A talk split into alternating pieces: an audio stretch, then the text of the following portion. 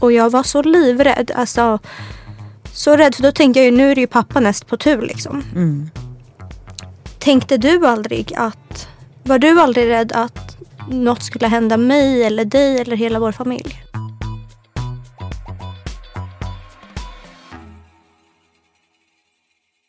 Hej och välkomna till ett nytt avsnitt av Ärligt talat. Med mig Alexandra och... Och med mig Louise, Alexandras mamma. Ja, äntligen. Eller egentligen inte äntligen för det är inte så att vi har sett fram emot det här. Nej, vi är faktiskt båda ganska nervösa. Eh, framförallt kanske för att man ska droppa en hel del saker som eh, ja, inte ens vänner känner till. Ja, det var för jag och Emilia har alltid sagt så att ja, men, vi ska ha ett avsnitt då Emilia pratar, eller som hon spelar in med sina systrar. Eh, ja, men lite om deras uppväxt, barndom, gamla minnen. Och så ska jag ha ett med min mamma. Mm. Och så har jag varit så här, jag har bara skjutit på det i, i typ ett år. För vi har pratat om den här idén sedan vi startade podden. Och så har jag bara sagt här, men ska jag inte bara spela in det med Emilia? Att jag pratar om det med Emilia. Men sen tänkte jag att nej, för det finns faktiskt bara en person jag delar den här historien med. Och det är ju med dig mamma. Ja, det är sant. Så. Eh, ja, och din barndom kanske inte var som alla andras barndom.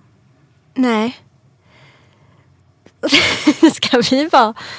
Vi skålar först tycker jag mamma. Ja, ja. Eh, lätta lite på trycket med bubbel. Skål, skål för poddpremiär. Skål älskling. Så eh, vad är det vi ska prata om idag, mamma? Ja, vi ska prata om eh, din uppväxt. Mm. Och kanske mitt förhållningssätt till hela den här delen som mamma. Mm. Eh, som jag kanske faktiskt inte har droppat förut. Nej. Och, eh, jag ska ju vara helt ärlig, jag tycker att det här är lite smånervöst och lite läskigt för att jag har faktiskt inte pratat om det här på väldigt, väldigt länge. Nej. För att vi båda har varit att vi pratar ju inte om det här så ofta hemma. För att vi båda tycker att det är jobbigt. Ja. Det har liksom varit att om det kommer på tal så bara "Hehe, eh, vi byter nog samtalsämne nu till något roligare. Ja, ja lite så är det faktiskt.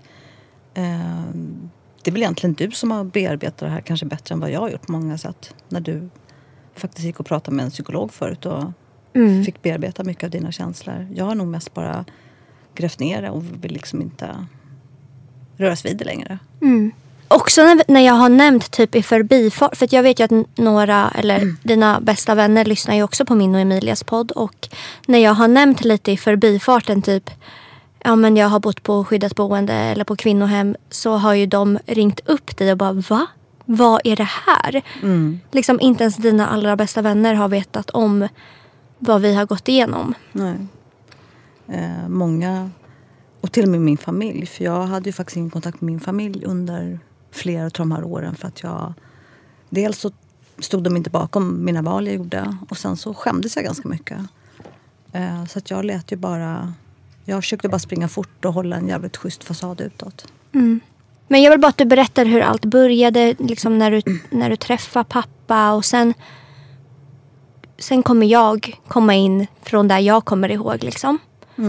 Ja, ja, men nu, nu kör vi helt enkelt. Eh, händerna på bordet. Eh, nej men så här är det att jag eh, är ett litet maskrosbarn. Jag vart ju bortlämnad när jag var ganska liten för att mina föräldrar inte riktigt var tillsammans. Eh, och jag var droppad på Stora Nytorget där i Gamla stan när jag var 12. Och eh, sen har jag väl typ ungefär uppfostrat mig själv.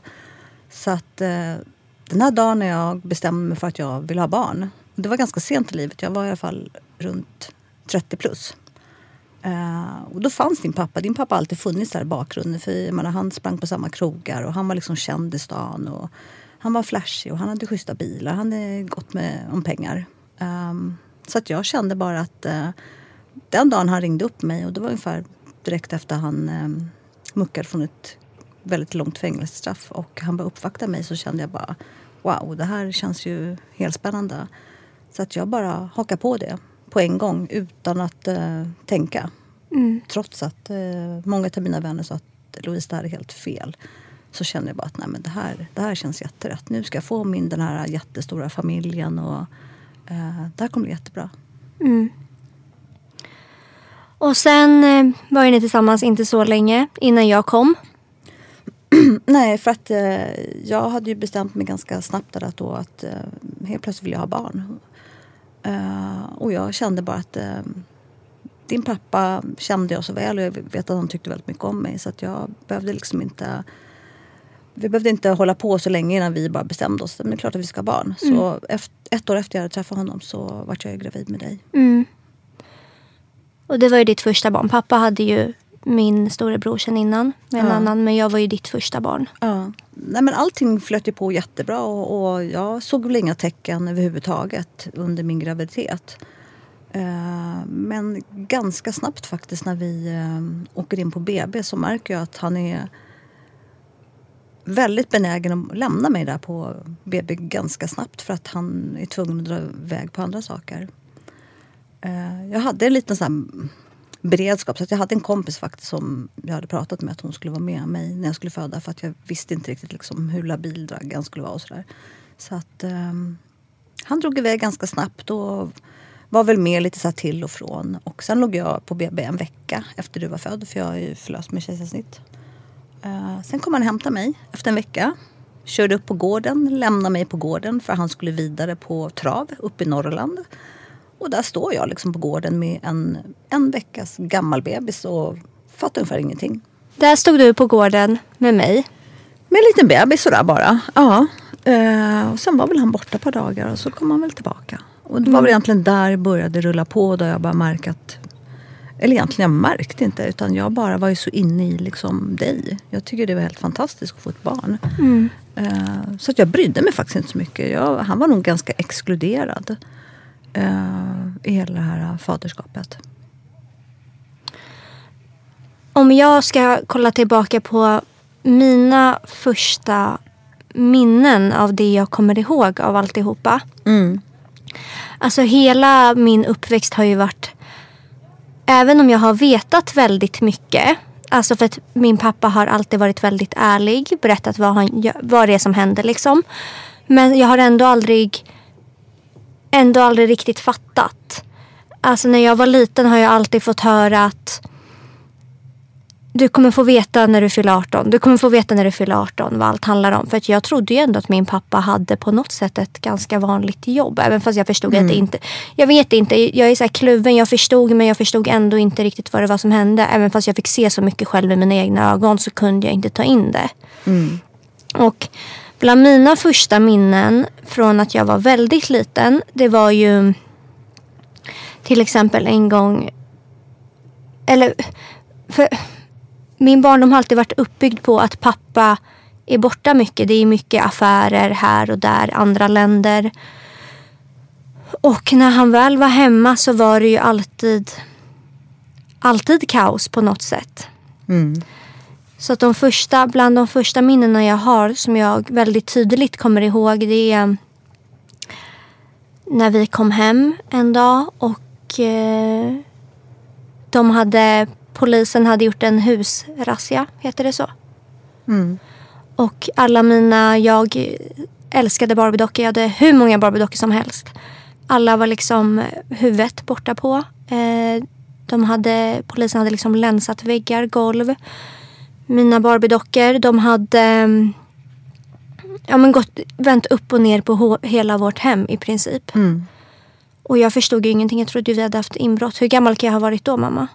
Jag tror att du var kanske fyra, fyra, fem år någonstans där. Ja, och det var första gången. Jag kommer verkligen ihåg det när vi kommer in där och vi bara står där och allt är upp och ner. Och alla mina leksaker är bortklippta eller huvudet avklippt. Allt mm. är sönder. De har bara länsat allt liksom. Mm. Eh, och den gången så letade de väl efter pengar. Ja. Tror jag. Hittade de någonting? Alltså det är ju så här Alexandra, att jag har ju blundat. Eh, jag kan med handen på hjärtat säga idag att jag skäms för att, eh, hur jag faktiskt var. För att jag var så inne i det här med att hålla en sån jäkla bra fasad utåt. Så att eh, jag vart ju påminn lite då och då, precis som du säger, att vi hade ju razzia hemma eh, vid tillfällen och eh, han var ju inte eh, den mest skötsamma personen. Och eh, riktigt vad han gjorde det vet jag faktiskt inte än idag. Men eh, det är klart att alla förstår att eh, han var ju kriminell. Och eh, jag kände lite så här att eh, ju mindre jag vet, ju bättre. Mm. Eh, för jag jobbade ju, jag hade ju ett heltidsjobb. Jag tog hand om liksom dig och jag hade barnflickor som hämtade dig på dagis. Eh, jag skötte mitt jobb. Och eh, återigen, jag skämdes extremt mycket för det här livet jag levde. Att jag kände mig så otroligt falsk. Eh, men jag ville det här så otroligt mycket. Och jag ville liksom inte att du skulle bli ett skilsmässobarn som jag var. Så att jag försökte verkligen bara få en fasad och se liksom jävligt skinande ut. Men sen så var ju, det var ju inte bara liksom dåligt hela tiden. För vi Nej. hade ju stunder som var jäkligt bra. Och det var väl kanske det som gjorde att vi liksom orkade. Eller framför, framförallt att jag orkade. Och eh, det var ju till exempel när vi åkte varje sommar till Montenegro. Där din pappa kommer ifrån. Mm. Eh, då var det helt fantastiskt. Och då var vi verkligen en familj och hade extremt roligt tillsammans med, liksom, med din pappa och hela släkten. Mm. Men kan du någon gång känna dig typ arg på, för som jag sa, jag kommer ihåg när, när det var razzia. Jag kommer ihåg en annan gång väldigt tydligt när pappa hade fått en psykos och slagit sönder hela lägenheten. Och när vi öppnar dörren så vänder du bara på mig för att jag inte ska se någonting. Och jag ser bara att eh, hela vårt hem är sönderslaget. Vårt badkar ligger på gatan. Det är utkastat från balkongen. Men om, ja, om vi ska backa bandet lite då. Det var ju inte bara så att jag blundade och bara... Men det var inte bara så att jag blundade för allting. Men det är klart att det började gå överstyr. Och jag kände ju själv liksom att fan det här går liksom inte längre. Eh, för att din pappa han levde ju i en, en speciell värld. Och eh, han hade säkert jättemycket krav på sig själv. Han, han, alltså Dragan är en extrem entreprenör. Alltså han är jätteduktig liksom på att sätta igång affärer och liksom fixa hit och dit. Men Mm, verkligen. Jag tror att han någonstans på vägen så vart det liksom bara lite för mycket för honom så att han började självmedicinera. Och där förstod inte jag riktigt från början men eh, det vart ju en period som jag kände att det här går liksom inte längre. Så jag gick ju faktiskt till eh, bostadsförmedlingen och eh, fick förtur. För att jag kände att det här är ingen bra miljö för ett barn att växa upp i. Men tyvärr så får jag då lägenhet i porten bredvid där din pappa bor. Så att, det var ju inte så direkt att vi kom ifrån det här. Och det här tillfället som du pratar om det är ju faktiskt så att då är vi uppe i din pappas lägenhet. Menar du när han fick en psykos? När han fick den här psykosen. Ehm, och jag tittar ut från balkongen och ser att det står en piketbuss ute på gården. Mm. Och eh, jag var lite nyfiken och... ehm, för den, jag hade provat att ringt honom men jag tyckte han lät så himla konstig. Eh, och så efter en stund så ser jag hur de kommer ut med din pappa och sätter in honom i den här piketbussen. Mm. Och sen hade jag, jag hade, och då visade att då var ju han i min lägenhet. För vi hade då lägenhet på samma gård. Men jag hade min balkong ut mot liksom gatan så jag såg inte vad som hade hänt. Men det som hade hänt var ju att eh, han hade självmedicinerat under flera dygn och in, tydligen inte sovit. Det här var vad jag fick förklarat från sjukhuset. Och eh, han fick en psykos. Och eh, trodde att han var förföljd. Så att han, eh, han rev ut allting från lägenheten. Allting från handfat till badkar till platsbyggda garderober. Allting flög ut genom balkongen. Um, alltså jag kan ju inte... Jag kan inte ta bort det här att faktiskt att jag levde med en kriminell man. Men jag kände så här att jag var en...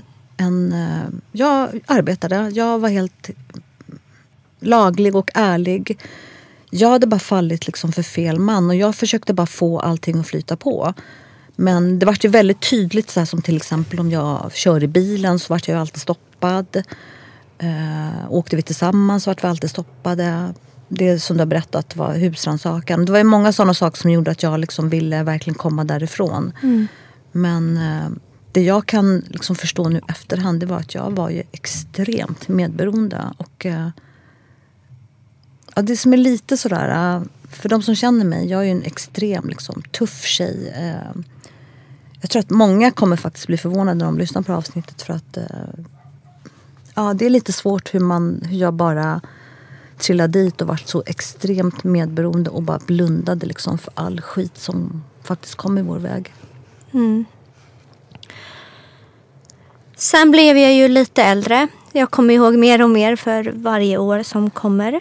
Eh, det var ju alltid, vi hade det ju väldigt bra mamma. Alltså vi hade det väldigt bra ekonomiskt. Det var ju alltid, alla visste vem pappa var överallt. Eh, vi kunde i princip köpa och göra vad vi ville. Mm. Eh, vi hade hela frysen full med pengar. Ja, istället för fiskpinnar som alla andra hade vi pengar istället. Ja. Alla, flera, typ hundra fisk, fiskpinnepaket var tömda och istället låg det massa pengar i hela vår frys. Mm. Pappa gick alltid beväpnad. Ehm, och jag tyckte att det blev mer och mer påtagligt ju äldre jag blev såklart. Mm. Ehm, för att jag fick se mer och mer. Men någon gång, när var det andra gången pappa åkte in? När jag var fem, fem sex? Ja, någonstans där.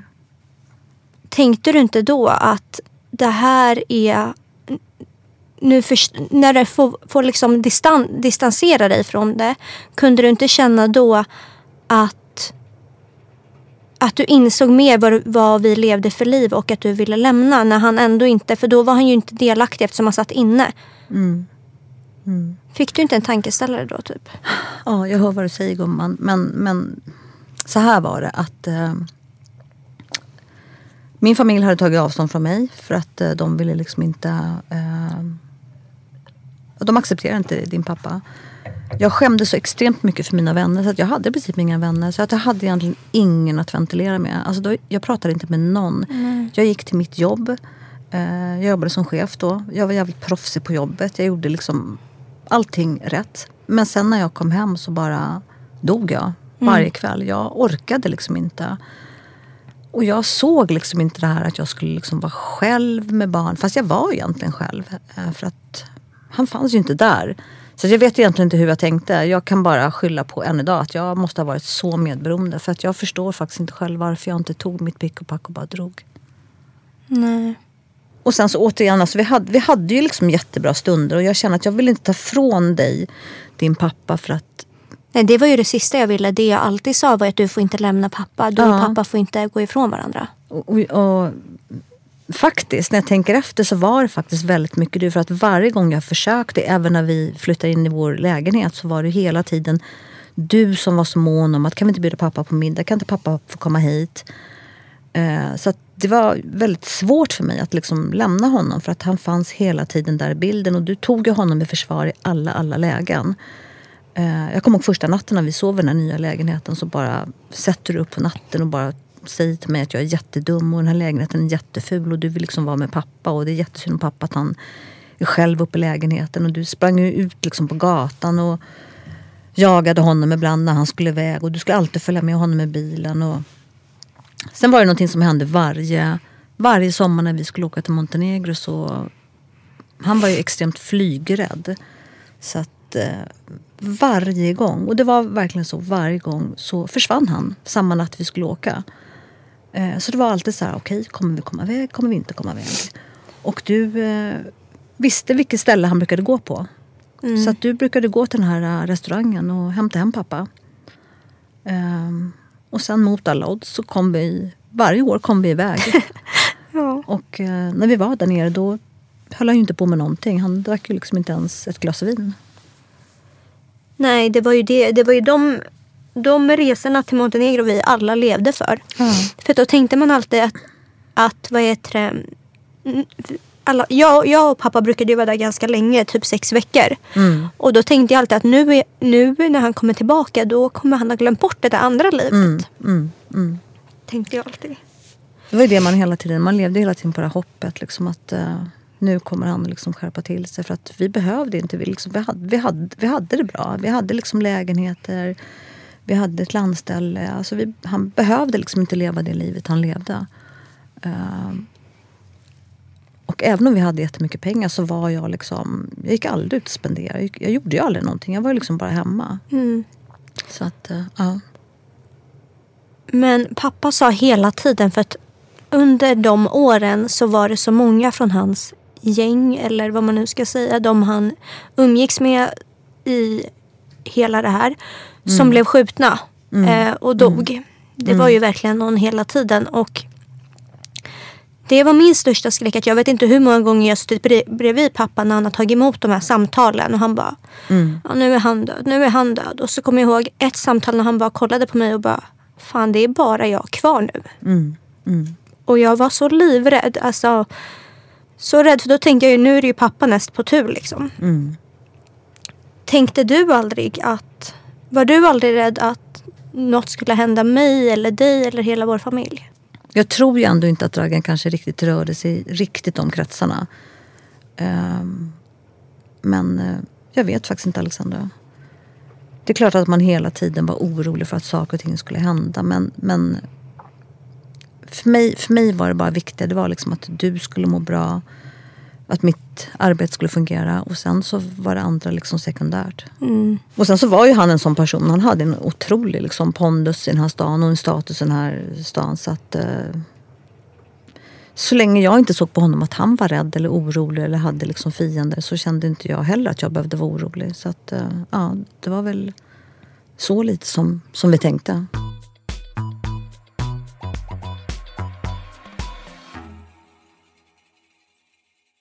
Det som har varit bland det jobbigaste det är att jag aldrig har typ känt att jag har varit barn riktigt. För att jag har alltid känt ett sånt behov av att typ skydda pappa eller att jag inte kan ta hem mina vänner hur jag vill. För att jag visste aldrig vad jag kunde förvänta mig när jag kom hem från skolan. Eh, antingen hade pappa varit borta och gjort affärer eller festat i fyra, fem dagar och då kunde han eh, ligga hemma och sova när jag kom hem från skolan.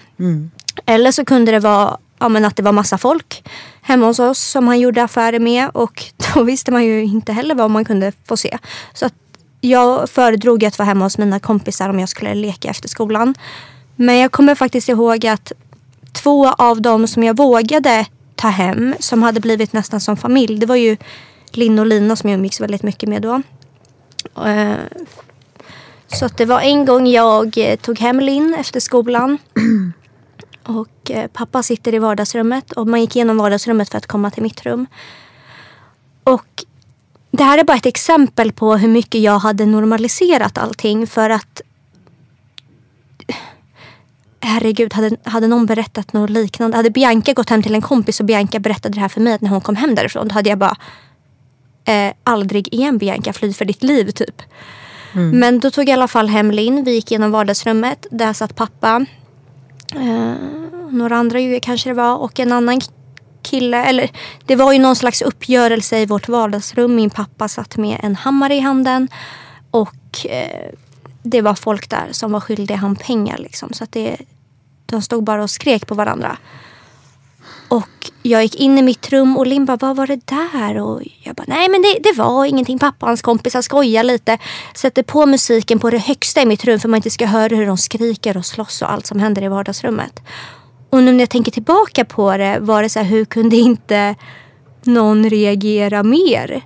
Alltså hur kunde inte Linn eller jag undrar vad hon sa till sina föräldrar. Hon kanske inte sa någonting. Men förstår du? Allt det där. Att det visar så tydligt hur, hur jag bara normaliserade allting.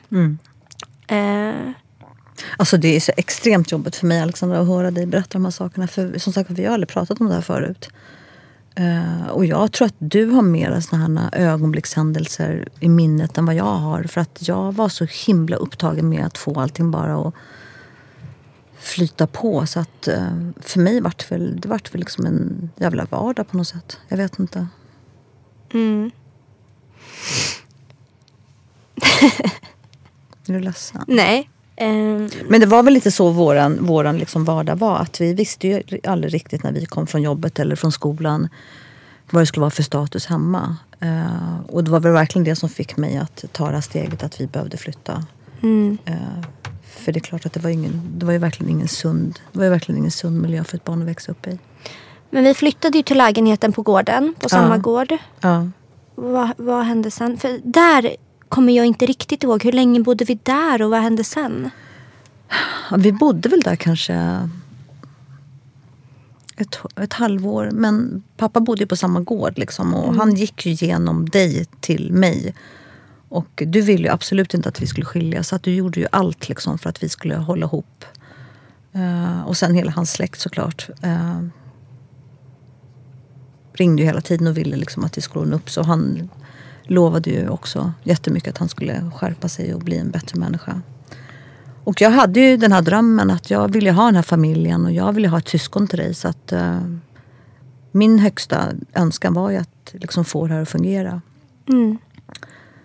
Och sen så blir jag ju gravid. Uh, med din lillasyster då. då.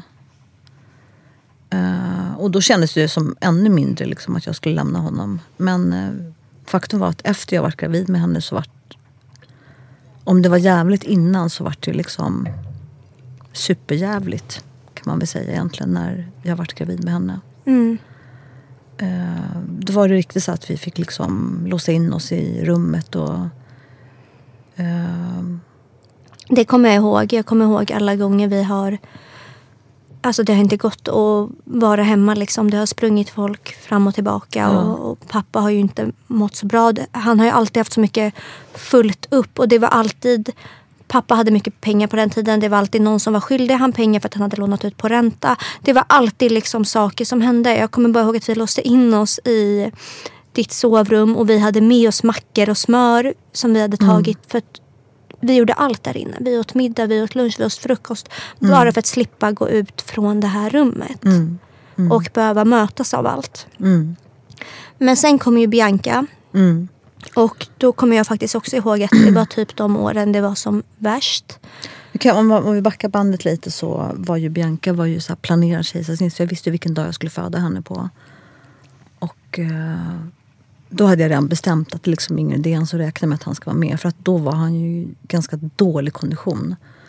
Eh, mm. Där det snurrade på ganska rejält och han umgicks med mycket uh, människor som höll på med saker som uh, inte var bra. så att min syster var med mig. Så att vi promenerade, för då bodde vi precis för Södersjukhuset. Så vi promenerade upp till Södersjukhuset. Mm. min pappa från Frankrike kom. Och mina systrar från Frankrike kom. Eh, och ville vara med då när Bianca skulle födas. Men eh, jag vet att min pappa liksom tittade på mig för det var, det första gången som han förstod liksom att vad lever du i för liv liksom. Och, eh, efter Bianca föddes så ville du inte vara hemma. Utan du, du var ju nio år då. Du gick ju från skolan upp till mig på sjukhuset och bodde hos mig. Du sov i min säng på sjukhuset eh, på nätterna där. Och när jag tänker efter så är jag att inte sjukhuspersonalen reagerar. Där ligger liksom en nyförlöst mamma med en liten bebis och en nioåring i samma säng. Mm. Så jag smög ut varje morgon där och, och, gjorde frukost till dig och sen följde med dig i hissarna. Jag hade lite svårt att gå eftersom jag var kejsarsnittad. Eh, så gick du till skolan och sen så kom du tillbaka på eftermiddagen. För du fixade inte riktigt att vara hemma för att det var ju som kaos hemma. Mm. Um, och när Bianca var några månader gammal så bröt jag ihop. För första gången faktiskt på alla de åren. Att jag orkade liksom inte längre. Så att jag gick till sociala. Och bara sa att ni måste bara hjälpa mig. Och eh, samma dag så ordnade de ett hem för kvinnor med skyddat boende. Så att jag gick hem och packade en väska till oss och eh, kom och hämtade dig på fritids. Ja, och jag kommer så tydligt ihåg det att när jag är på fritids då gick jag på Pantrarna där i Eriksdalsskolan. Mm. Och du, eh, jag sitter och spelar kort med, med massa vid bordet och du eh, ringer på fritidstelefonen och en av de pedagogerna eller vad det är ger mig telefonen och bara det är mamma. Och jag hör att du har panik, du skriker och gråter. Du har liksom, du, du bara vi efter skolan ska du inte hem. Vi ska inte hem Alexandra. Inga frågor. Vi ska inte hem. Vi kommer inte bo hemma liksom. Mm. Och jag var så orolig att någon skulle höra runt om. Och det är lite typ det här också. Hela min uppväxt har varit mm. uppbyggd på att alltid skydda familjen. Ingen får veta. Mm. Alltså skydda pappa, skydda dig, skydda Bianca. Mm. Så att jag, när du ringer och är så hysterisk och jag är så rädd att de ska höra runt om. Så att jag bara, okej okay, mamma, kul. Ja men då ses vi sen då mamma. Som att det var ett helt vanligt samtal. Mm, mm. Och jag, tänkte absolut, jag hade absolut inga planer att berätta för någon vad det var som försiggick hemma. Eh, och sen så kom du och hämtade mig och vi bodde på det där skyddade boendet mm. eh, ganska länge.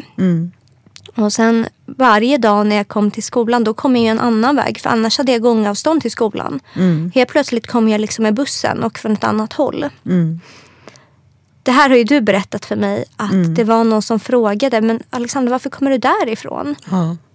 Du var ju extremt duktig. Alltså jag kunde verkligen så reagera på för att då kommer vi med bussen från ett helt annat håll. För egentligen hade vi då ja, promenadavstånd till skolan. Och då svarade du bara utan ens blinkat. Nej men vi bor hos min moster nu för vi håller på att renovera vår lägenhet. Och då kände jag så här att det här flyktbeteendet som jag har, det har jag verkligen fört över på min dotter. Och det gjorde mig så jäkla ont. Att du var tvungen att ljuga liksom. Att egentligen så, jag menar vi var offer i hela det här. Alltså, men, men istället skulle vi försöka skydda och, och hålla fasaden uppåt. Mm. Kommer du ihåg mycket från det där hemmet? Ja. Jag kommer ihåg exakt allt. Ja, vi gick ju typ i ol- olika så här, terapier. Ja.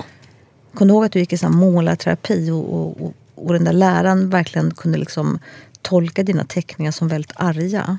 Ja. Kommer du ihåg det? Ja. Älskling. Och jag tror att där började du väl få ut lite av liksom det som du faktiskt hade inom dig. Och kanske även jag, men då hade jag ju liksom Bianca som bara var några månader. Ja. Ja. Jag kommer ihåg att... Men jag tycker ändå att det är så här. Jag hade ingen aning om att ett sånt boende ens fanns. Det är ett väldigt fint boende. Mm, mm. Man bor liksom bara kvinnor där som behöver le, eller leva under skyddad identitet. Alltså jag kände på något sätt liksom att jag började nästan tycka att mina problem var ganska banala om man, om man såg på många andra kvinnor där. För det var ju många... För pappa har ju aldrig velat oss illa. Nej. Men kvinnorna som bodde där, där var det ju män som ville mörda dem. Så att de Ja. hängde ju, alltså vissa män, även fast det var skyddat, hittade de dit. Mm. Stod och banka på nätterna på dörren. Så att polisen, det fanns ju poliser såklart där hela Mm. tiden. Men ja, som du sa. Vissa hade det verkligen Ja, men det var ju kvinnor som, inte, som kanske inte kunde språket, som inte hade någon bostad. Mm. De hade inget arbete. Alltså, de var ju helt hänvisade till sina män som då dessutom misshandlade dem eh, rejält. Um, och det hade ju inte, det, alltså, vi hade ju inte riktigt så. För att jag menar, Dragan var ju liksom inte en, en våldsam person. Ehm, om jag försöker liksom lite se tillbaka på det nu så att han var ju en människa som han självmedicinerade och där gick jag överstyr. Liksom, där kom ju drogerna in i bilden. Mm. Och sen var det ju allt runt om. Det var ju inte Ja. just pappa i sig som var faran. Nej. För oss kanske. Men det var ju allt runt om. Som du sa, droger, pengar, det kriminella. Ja. Alla runt om. Det var ju det liksom. Ja. Men på det där boendet då kommer jag ihåg liksom att då hade man ett rum och sen så, för det var ju många som då flydde dit som inte hade med sig sina egna saker. Och eftersom vi inte kunde åka hem under den tiden så gick vi ju, då fanns det ett rum eh, där folk Så fint. Eh, folk har lämnat in kläder då till de här boendena. Så att jag kommer ihåg, jag hade inte hunnit få med mig någon pyjamas för att allt hände ju så fort så att jag fick gå dit och och kolla och så sa hon vad har du för storlek? Här finns en pyjamas med små katter på. Så då hade jag en blå pyjamas med små vita katter som... Mm. Ja. Mm. Men vi bodde där ett tag. Mm. Eh, Sen blev det ändå så att vi, fick, att vi kom hem igen. Ja, sen kom vi hem igen. Eh, och då flyttade vi in i vår, i vår lägenhet som vi hade på samma gård som din pappa. Mm. Men eh, sen började det igen då. Att han, han lovade att eh, han skulle ändra sig. Han skulle bara sköta sig. Han ville bort från den här stan. Så då bestämmer vi att vi ska köpa ett hus. Mm. I Tumba där all min släkt, juggesläkten bodde då. Ja, så att eh, vi säljer våra lägenheter. Flyttar till... eh, Vi hade dessutom ett landställe i, i Norrtälje som vi sålde. Mm. Och vi ska verkligen börja om på ny kula. Och eh, hela Dragans släkt är superglada. Så att de går in och totalrenoverar det här huset. Mm. Eh, de blåser ut hela huset och bara gör det top notch. Mm. Och där ska vi flytta in. Och ehm, Jag kommer ihåg att i början när vi flyttade till Tumba då var det ändå det var ofta så att vi fick upp hoppet att fan nu är det bra för att pappa kunde liksom sköta sig i sträck Mm. ett tag. Inte hålla på med affärer, åka utomlands, åka hit och dit eller inte svara i telefon. Eller. Mm. Så att jag kommer ihåg när vi flyttade till Tumba först så var det bra ett, ett uh, litet tag. Mm. Och sen så kom den där gången då han försvann. mm, Då han sa att han bara skulle iväg på en affär för att han sa alltid att han skulle iväg på affärer. Mm. Då han skulle iväg på en affär men inte komma hem ändå på tre, fyra, fem dagar. Mm. Och efter det kommer jag ihåg att jag blev så in, att jag var så här. Jag ville följa med pappa överallt för då kände jag att jag hade kontroll. Mm. Då brydde jag mig inte vad jag såg. Ehm, när jag följde med pappa överallt så var han, han har alltid varit väldigt ärlig mot mig vad det är som händer. Och vad det är han gör. Och jag tror att det är därför också mamma, jag kommer ihåg mer eller typ har en klarare bild av allt än vad du har. För att du valde ju att inte fråga eller Ja, se något. Medan jag var jättenyfiken. Vad är det som händer? Vem är det? Eh, allting skulle kartläggas liksom. Ja. Så att- Men jag tror också att han, alltså han kunde ju vara mer öppen mot dig än vad han kunde mot mig. Ja. För att han visste ju att det enda jag ville var att vara med honom och hålla ihop familjen. Liksom. Det spelade ingen roll för mig vad han gjorde. Bara inget hände liksom. Ja. Eh, Så att när jag följde med han i bilen så jag följde ju jätteofta med på sådana här affärer. Eh, så att jag satt kvar i bilen eller att de hoppade in i bilen och vi åkte någonstans med dem. Mm. Jag kommer ihåg en gång när vi eh, åkte bil och vi kör in. Jag har bara ett minne av att det var mycket skog där. Jag vet faktiskt inte exakt vart vi var. Om det var Bredäng eller vart vi kan ha hamnat. Men ja. Och pappa säger sitt kvar här i bilen. Du får min mobil att spela på. Jag ska gå och bara fixa en affär lite snabbt. Uh, och då sitter jag och spelar på pappas mobil och jag glömmer helt bort tiden. Och det var kolsvart ute och till slut bara, men gud vad är pappa? Han måste ju vara klar med det där han skulle göra. Tills jag börjar höra massa skrik och jag springer ut från bilen och då är pappa i bråk. Och jag ställer mig framför honom och jag vet inte hur många gånger jag har, har gått emellan sånt där och ställt mig framför min pappa för att då känner jag typ att inget kan hända honom. Mm. Eh, och en annan gång när vi... Eh, pappa har alltid varit en väldigt hjälpsam, hjälpsam person. Han, när han själv inte hade, var djupt ner i skiten så hjälpte han alltid andra. Jag kommer ihåg andra gånger vi har åkt och träffat två um, kändisar här i Sverige. Som också hade mycket problem och jag har liksom följt med pappa när han har hjälpt dem. För att de har blivit utkastade av sina tjejer. Eller att de behöver hjälp med pengar. Eh, Men det var ju ibland när han skulle iväg, den här personen som vi inte vill namedroppa nu då, när han skulle iväg och hade inspelningar när pappa åkte dit liksom och tog hand om honom och körde honom till inspelningarna och gick och köpte kaffe till honom och försökte få honom att hålla igång och den andra var ju hemlös under en period ja. eh, och var ju typ så här bannlyst på hotell. Ja. Så pappa var ju alltid liksom, ställde ju alltid upp liksom för folk. Mm. Eh, och det tycker jag är jätteviktigt faktiskt att säga att han var liksom, ja han var kriminell men han var väldigt, väldigt liksom Stort omtänksam. hjärta. Ja han hade stort hjärta, det hade han faktiskt. Ehm, och det lustiga i hela det här det är att han, pengar för honom det var, det var inte så viktigt. Uh, för honom spelade det egentligen ingen roll om man hade 100 kronor i fickan eller om man hade liksom 100 000 i fickan. Nej. Det var liksom, han var lika glad oavsett. Mm. Jag skulle säga när vi flyttade till Tumba, Alexandra, då var det att eh, då tog faktiskt drogerna över Mm. eh, hans liv jättemycket. Eh, han handlade inte rationellt på något sätt. Eh, han kom tillbaka många gånger och var liksom psykotisk. Eh, jag var, tvungen att ringa polisen flera gånger. Jag bytte lås flera gånger. Och det var faktiskt, ja men det var ju där jag kände att det här håller liksom inte längre. Eh, Det är flera gånger i Tumba som ni, du och polisen fick smuggla ut mig bakvägen innan de skulle gripa pappa. mm, För att jag inte skulle behöva se det. mm.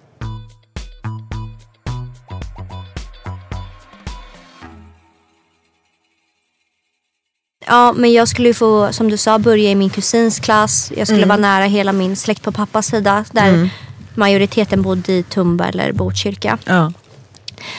Eh, och det var verkligen så att det snackades ju så jävla mycket. Alltså det byggdes ju upp som en fasad runt oss att folk bara typ tippade på tå. Jag kommer ihåg om man går tillbaka lite tiden när jag gick i Eriksdalsskolan. Eh, min pappa har ju alltid varit extremt överbeskyddande mot mig eh, så fort någon gjorde minsta lilla. Ja. Jag kommer ihåg när en lärare drog mig i armen. Jag gick hem och sa det till pappa. Pappa går ner till skolan och vänder upp och ner på alla bord i hela klassrummet. Mm. Och eh, då var vi på möte hos rektorn och när vi gick från rektorn så slår pappa mig i huvudet med en tidning lite på skämt. Mm. Bara Budalo typ. Slår mig i huvudet. Det var ju ingen grej. Men alla var så extremt rädda för pappa för det byggdes upp någonting. Vilket jag förstår på ett sätt så att det blev ju en SOS-anmälning. Ja. De anmälde ju oss till SOS för att pappa skulle ha slagit mig. Ja. Eh, när jag då kom, i, kom till Tumba började i en ny klass och tänkte gud vad skönt med en nystart. Ingen vet vem jag är eller vem min familj är. Så hade det direkt jag flyttade dit hade det byggts upp något. Mm. Eh, det var ingen som vågade träffa min pappa. Jag kommer ihåg första gången Helen träffade min pappa och hon bara men gud han var jättesnäll och jättetrevlig. Jag bara Mm. varför skulle han inte vara det? Mm. Nej men det går rykten om, alla säger att han är farlig. Mm. Det byggdes upp så mycket runt om som gjorde att folk tog så mycket avstånd från oss. Ja. Och det kan typ vara en av de grejerna jag känner är mitt typ största svek i allt det här mamma. Att, att alla tog avstånd från oss. Ja. ja, det var ju verkligen så. Man vart ju extremt ensam. Från att vi har haft jättemycket släkt, jättemycket vänner till att folk bara har typ droppat av. Ja. Nej men vi hade ju jättemycket täckning från familjen från släkten. Så länge vi var tillsammans. Ja. Eh, Men den dagen jag valde att lämna din pappa då klipptes vi ju ganska hårt. Av alla. Av alla. Mm. Ja, men det som hände var i alla fall att vi sålde huset vi bodde i. Och eh, jag köpte ett nytt hus Själv. själv till eh, mig och mina barn. Eh, och kände för första gången i mitt liv att jag var fri. Kommer du ihåg hur vi firade det Alexandra? Nej. Gör du inte? Nej, eller vad menar du? Eh, kommer du ihåg att vi åkte till Thailand då? Men Nenny. Vi köpte huset i december och sen åkte vi i februari till Thailand. Mm, mm. Och det var liksom... Jag tackade min gud att jag hade haft den här styrkan att faktiskt lämna det här helvetet. Eh, och då åkte vi till Thailand och firade. Ja. Ja. Hur känns det här? Ja, det här var lite, lite, lite jobbigt, lite läskigt. Ja. Men vi gjorde det mamma. Ja, verkligen. Vi, du köpte ditt hus, vi kom bort från allting. Min pappa lyckades även komma bort från allt skit. Eh, han träffade sin fru och är helt ren och fri han också idag. Ja. Och vi blev helt fria på vårt sätt. Och ja, jag kan inte... För du har alltid sagt så att du klandrar dig själv för att du inte gjorde någonting tidigare. Men jag kan ändå aldrig... Jag vet inte, på något sätt, det låter så konstigt men det finns typ inget jag hade velat ändra på mamma för att det här har verkligen gjort oss till de vi är idag, gjort mig till den jag är idag och gjort vårt band. För att i min värld så kan jag inte... Jag skulle aldrig på något sätt kunna ha ett bättre band till min mamma än vad jag har idag. Nej, jag kan ju säga så här att man kan ju inte ångra det man älskar mest. Och dig och Bianca är de jag älskar mest. Och det är klart att jag önskar att jag kanske hade gjort många andra val med handen i facit. Men eh, jag gjorde inte det. Och jag kan liksom inte vara efterklok. Nu sitter vi där vi sitter. Och som du säger, vi har ju extremt tajta band. Och vi har en historia som eh, få. Mm. Om du ser tillbaka allting, vad kan du tänka så här?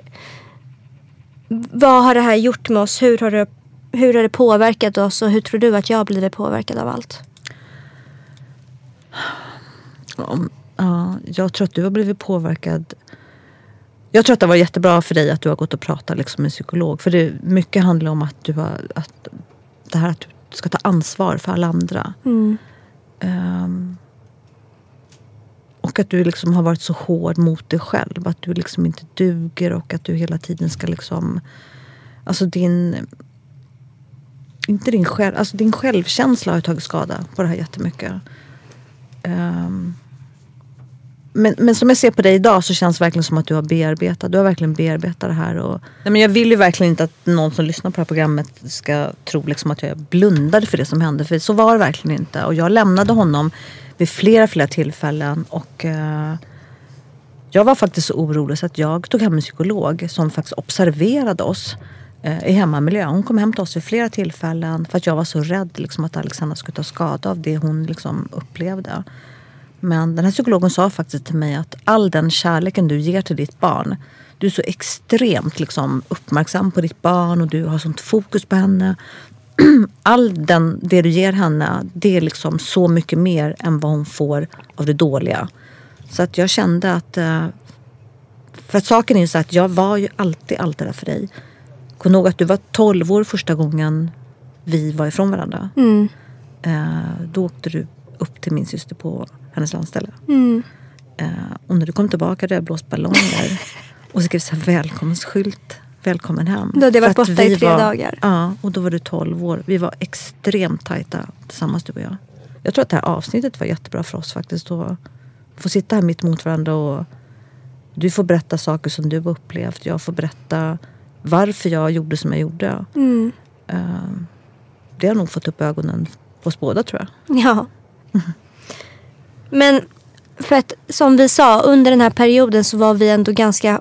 Många tog avstånd från oss. Ja. Om du skulle få säga... Om du skulle säga att någon råkade lika illa ut eller att någon levde under så farliga förhållanden eller vad man ska säga. Vad är ditt tips till någon som ser på eller som kanske redan är mitt i det? Om någon som ser på skulle jag vilja säga att snälla gå in och liksom visa att du finns där. Man kanske inte är mottaglig just då. Men man behöver verkligen någon. För det är extremt tufft att bära på det här själv. Ehm, någon som är mitt i det.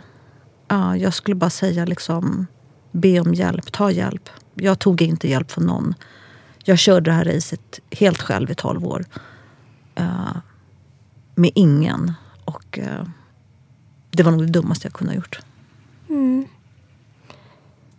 Det skulle jag... Jag kan bara hålla med dig. Mm. att som jag sa, mitt största svek är alla som vände ryggen när vi behövde dem som mest kanske. Ja. Sen förstår jag att man själv är rädd, att man själv inte vill hamna i skiten. Men bara visa att du finns där, att, du, eh, att ditt hem står öppet. Liksom. För det betyder nog allt i just då. Liksom.